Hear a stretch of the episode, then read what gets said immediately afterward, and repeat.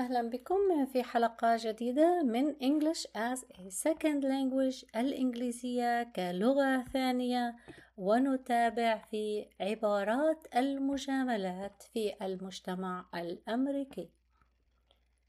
في الحلقة الماضية تعلمنا أنت تبدو رائع أو أنت تبدين رائعة. You look fantastic. You look fantastic. أنت تبدين رائعة اليوم أو أنت تبدو رائع اليوم اليوم You look fantastic today You look fantastic today أنت مذهل أو أنت مذهلة You are amazing You are amazing أنت لطيف أنت لطيفة You are kind You are kind أنت قصتك أو أنت مصدر إلهام كما قلنا أحد يذكر قصة نجاح قصة تعب وحصل نقول أن هذه القصة هي مصدر إلهام أو قصة مشجعة أو حياتك مصدر إلهام. نقول أنت مصدر إلهام. You are an inspiration. You are an inspiration. إذا قلنا أنت أو أنت مصدر إلهام لي نقول You are an inspiration to me You are an inspiration to me وأيضا في الحلقة الماضية قلنا حين نريد أن نقول أشكر الله على وجودك في حياتي أو وجودك في حياتي I am thankful or I thank God I thank God to have you in my life I thank God to have you in my life. وقلنا أحيانا يقولون أنا ممنون. I am thankful. I am thankful.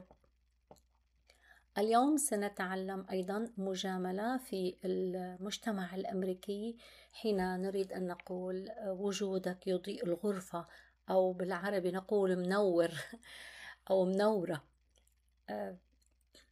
أنت تضيء الغرفة You light up the room You light up the room هذه نفس العبارة منور منورين You light up the room بإيجابيتك بإيجابيتك with your positivity positive إيجابي positivity إيجابيتك your positivity إيجابيتك positivity إيجابية positivity positivity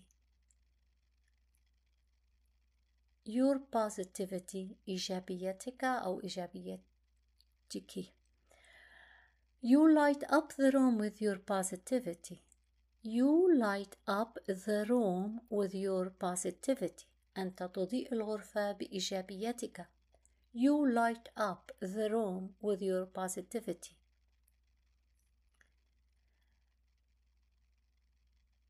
Wonderful نقول wonderful رائع أيضا رائع wonderful طريقة رائعة wonderful way wonderful way أنت تملك طريقة رائعة في التعامل مع الناس You have a wonderful way of interacting with people interacting with people التعامل مع الناس interacting with people أنت تملك طريقة رائعة في التعامل مع الناس هذا مديح رائع جدا أن نأخذه You have a wonderful way of interacting with people You have a wonderful way of interacting with people وأحب أن أخبركم أنه في مجال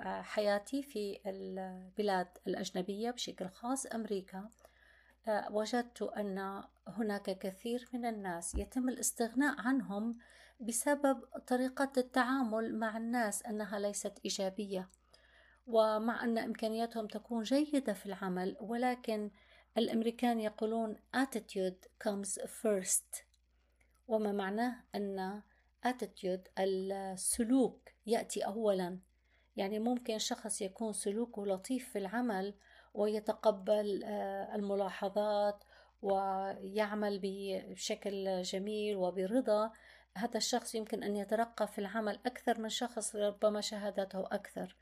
فهذه حين ننال هذا الإعجاب you have a wonderful way of interacting with people آه هذا شيء جميل جدا. تملك طريقة رائعة في التعامل مع الناس. أو ممكن أن سلوكك آه جيد أو رائع. عندك سلوك رائع. You have a good attitude. You have a good attitude. You have a good attitude. أشكركم جزيل الشكر لاستماعكم لهذه الحلقات. وأرجو أن تساعدنا في تعلم الإنجليزية. في مراجعة الكلمات التي نعرفها في أيضا مشاركتها مع الآخرين. شكرا لكم وأرجو لكم التقدم دائما ونهار سعيد أو مساء سعيد. شكرا.